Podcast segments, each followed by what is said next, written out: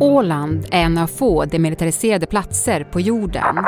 Ingen militär personal får vistas i landskapet och heller inga militära fartyg eller fordon. Men Rysslands krig i Ukraina kan nu ändra på det.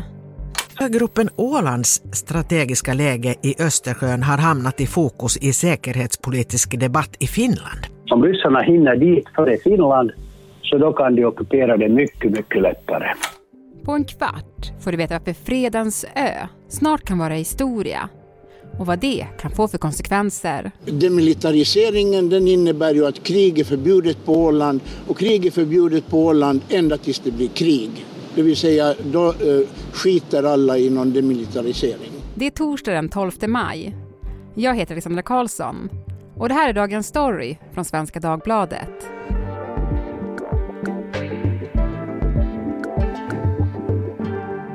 Mikael Törnvall, reporter på SvD Näringsliv. Du var på Åland nyss. Var det den billiga spriten i taxfree som lockade dig? Nej, faktiskt inte den här gången, även om det är det som får svenskarna att vallfärda till Åland. Åland är ju på något sätt centrum för den här fred och krigsdiskussionen vi har i hela Norden just nu. Ska vi gå med i NATO? Hur stort hot är Ryssland? Tydligare än på Åland blir det inte, för det är en ö som ändå har varit demilitariserat i 170 år. Och där man nu faktiskt börjar diskutera, ska vi ge upp? Mm. Åland är både demilitariserat och neutraliserat. Kort, vad innebär det? Det innebär väldigt kort att eh, det ska inte förekomma någon militär på Åland. Teoretiskt sett så ska Åland också stå utanför krig. Naturligtvis är det väldigt teoretiskt men konstruktionen är sådan sen avtal från Krimkriget 1856. Det ska inte finnas militär på Åland och man ser Åland som sagt fredens öar dit kriget inte ska nå. Mm. Krig är förbjudet helt enkelt. Ja, och det vet vi alla hur bra det fungerar. Efter en härlig sjöresa dyker Mariehamns stadssilhuett upp vid horisonten. Man märker genast att Mariehamn är och alltid varit en sjöfartsstad. De soldränkta öarna i Östersjön, mitt emellan Sverige och Finland, har länge lockat turister. Allt fler människor har upptäckt vilket paradis den åländska skärgården är för seglare och andra nöjesfarkoster. För människor med upptäckarglädje och känsla för jungfrulig natur. Men Ålands läge har också alltid varit av intresse för Ryssland. Åland är nyckeln till de norra delarna av Östersjön och har därför alltid inneburit en potentiell militärrisk. Och Ålands speciella status finns nedskriven i olika avtal som går tillbaka ända till 1800-talet. Turistbussen för oss vidare österut mot Bomarsund. Fästningen som byggdes av tsardömet efter svensk-ryska kriget då Sverige förlorade Finland. Den hann aldrig bli riktigt färdig innan den förstördes av engelsmän och fransmän under Krimkriget. Att den ryska fästningen kapitulerade och sprängdes i luften betraktades inte som någon större tragedi av ålänningarna som aldrig gillat att deras öar gjorts till skiljemynt mellan stormaktsintressena. Men det var efter att Finland blev självständigt från Ryssland 1917 som Ålands status blev stor politik. Åland ville tillhöra Sverige av språkskäl, men det gick inte Finland med på. En kompromiss blev då att de fortsatt skulle tillhöra Finland, men fick sin självstyrelse. Ett avtal som innebar att de fick ett eget parlament och garantier för det svenska språkets särställning. Dessutom blev ögruppen både demilitariserad och neutraliserad. Och det är något som är djupt förankrat i den åländska identiteten. Men nu börjar man se ett skifte. En svängning i hur ålänningarna förhåller sig till finsk militär på sina öar. Men du, varför är det demilitariserat? Eh, det är en massa olika avtal som det har att göra med och egentligen beroende på att Åland har haft ett väldigt viktigt militärt strategiskt betydelse i, med sitt läge i Östersjön och de har velat eh, i olika historiska skeenden förhindra att det finns militär där för att egentligen skapa avspänning. Mm. Och det börjar nu ifrågasättas? Ja.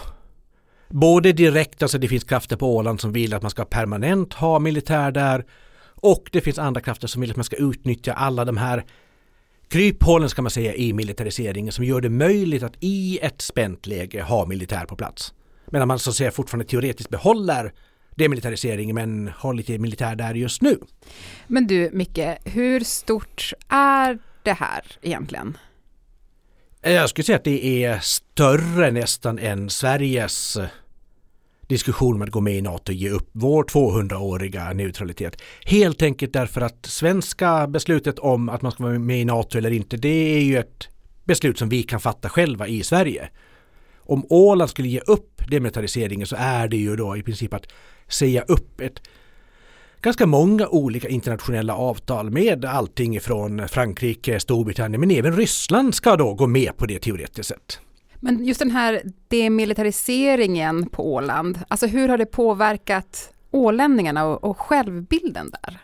Det, det hänger också naturligtvis ihop med självstyret och svenskans eh, ställning och allting. För liksom, Ålänningarna har ju en större självbild än ett litet landskap med 30 000 invånare. Men man skulle kunna jämföra Åland ekonomiskt med som en mindre svensk kommun.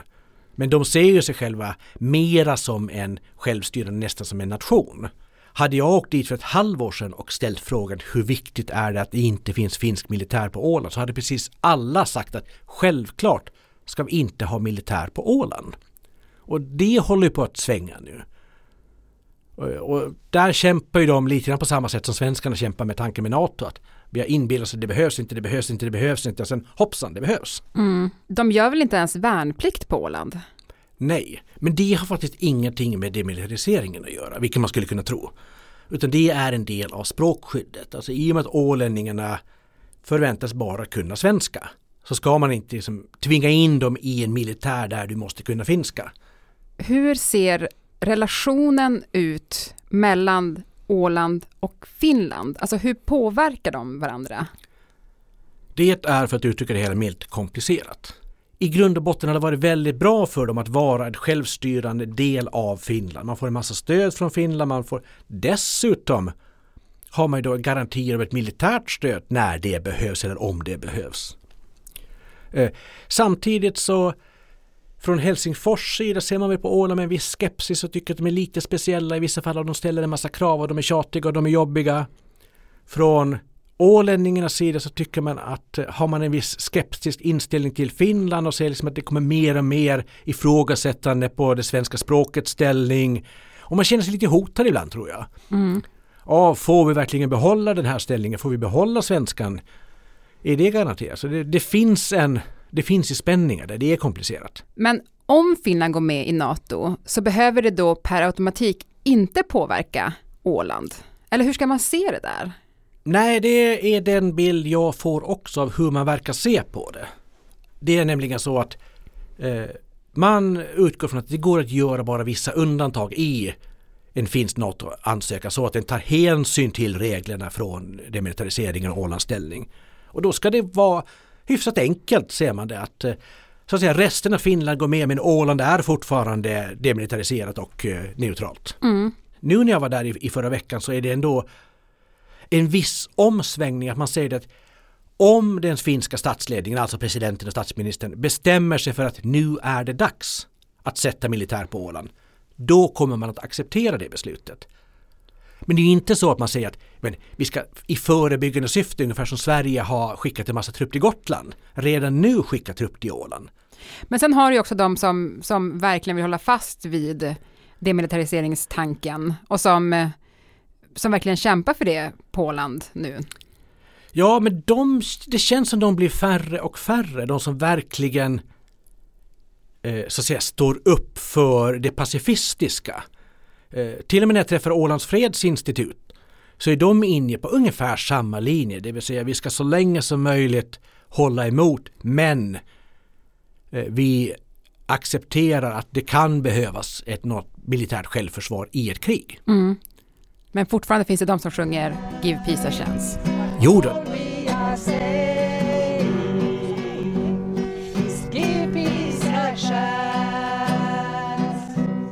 Ja, de vi hör här Micke, det är ju ålänningar utanför det ryska konsulatet i Mariehamn. Det är som några av de här personerna säger, det är djupt i den åländska folksjälen. eh, de här sakerna. Vi är demilitariserade, vi är självstyrande, vi är svensktalande. Och de här sakerna hänger ihop. Och det måste man nog förstå också för att förstå motståndet mot trupp på Åland.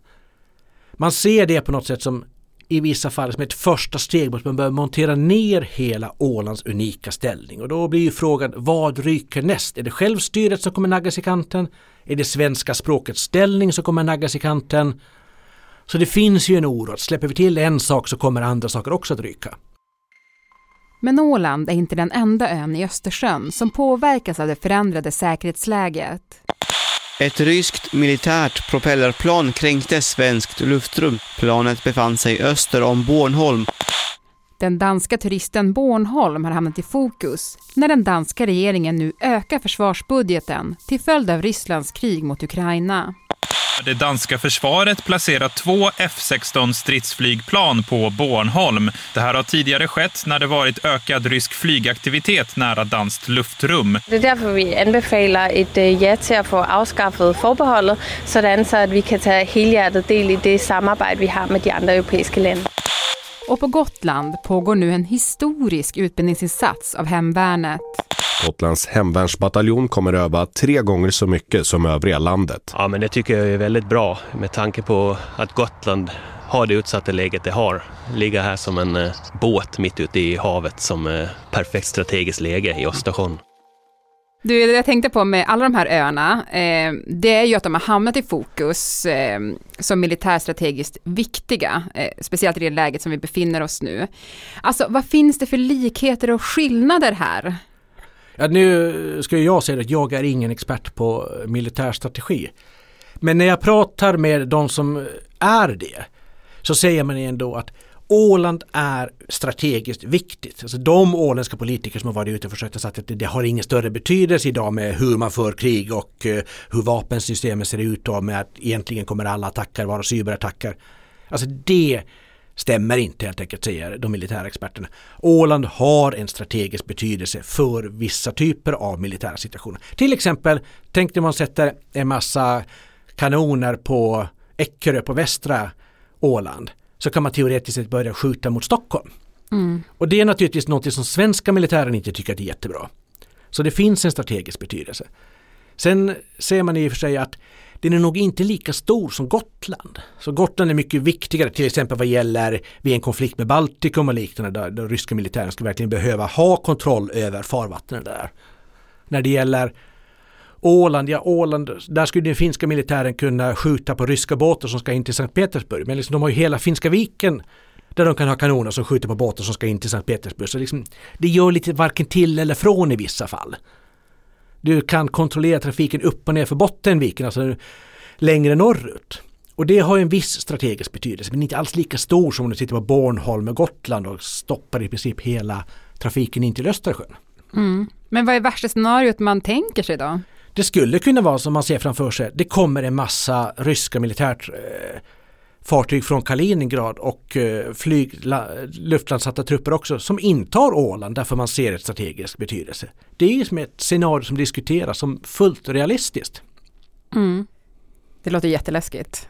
Ja men det är samma sak som vi diskuterar ju Sverige då som ett möjligt scenario att eh, rysk militär kommer vilja ta Gotland som en del av en eh, ett försök att ta Baltikum. Och att man då behöver ha, kontrollera Gotland också. Det är ett möjligt scenario. Skillnaden där tror jag är att tack vare, eller på grund av just den här historien som Finland har så upplevs hotet mera verkligt på Åland och i Finland än vad det egentligen görs i Sverige tror jag. Mm. Men vad tror du då? Alltså Fredens ö, Åland, är det snart ett minne blott? Nej, jag tror inte det. Jag tror alltså av när man pratar med finska statsvetare, finska experter och ålänningarna att ja, det är nog mycket möjligt att vi kommer ha finsk trupp på Åland under en period. Men då finns det ju också så att säga, historiska prejudikat flera gånger att när det lugnar ner sig då tar man tillbaka trupperna. Det, det fanns finsk trupp på Åland under andra världskriget och de har inte funnits där på, på en himla massa år. Du, eh, jag tänker den här frågan om Åland, har den egentligen någon betydelse för fler än de 30 000 ålänningar som bor där? Fredsforskarna och anhängare säger absolut. Därför att eh, man menar ändå på att Åland har en ganska unik ställning i världen. Det är det enda området som är både demilitariserat och självstyrande. Och då menar man på att det här är en någon slags förebild för andra konfliktområden. Så nu går vi tillbaka till 1856 när det var konflikter på Åland. Och sen dess har det ju varit relativt fredligt. Det var lite småskärmytsliga någon enstaka gång. Men liksom, de har hållit sig ganska väl under båda världskrigen. Och då menar man på att det här kanske är en förebild för andra oroliga delar i världen. Och vi har ganska mycket ändå delegationer som kommer till Åland från olika minoritetsområden och eh, konfliktområden och försöker sö söka lite inspiration. Så anhängarna av demilitariseringen säger att det här är någonting som också kan vara en förebild för en massa andra platser i världen. Mm. Tack Mikael Törnvall för att du var med i Dagens Story. Tack. Programmet idag producerades av Elin Romeliotto. Redaktör var Teresa Stenler från Matern. Och jag heter Alexandra Karlsson. Vill du kontakta oss så mejla till dagensstory.svd.se. Klippen i dagens program kom från Sveriges Radio Ekot, P4 Gotland, Svenska Yle Aftonbladet, Expressen och TV2 Bornholm. Åland kallar med sina lövängar, sin blomsterprakt, sina historiska minnen. Som ålänningarna själva sjunger i sin nationalsång. Landet med tusende öar och skär, danat ur havs...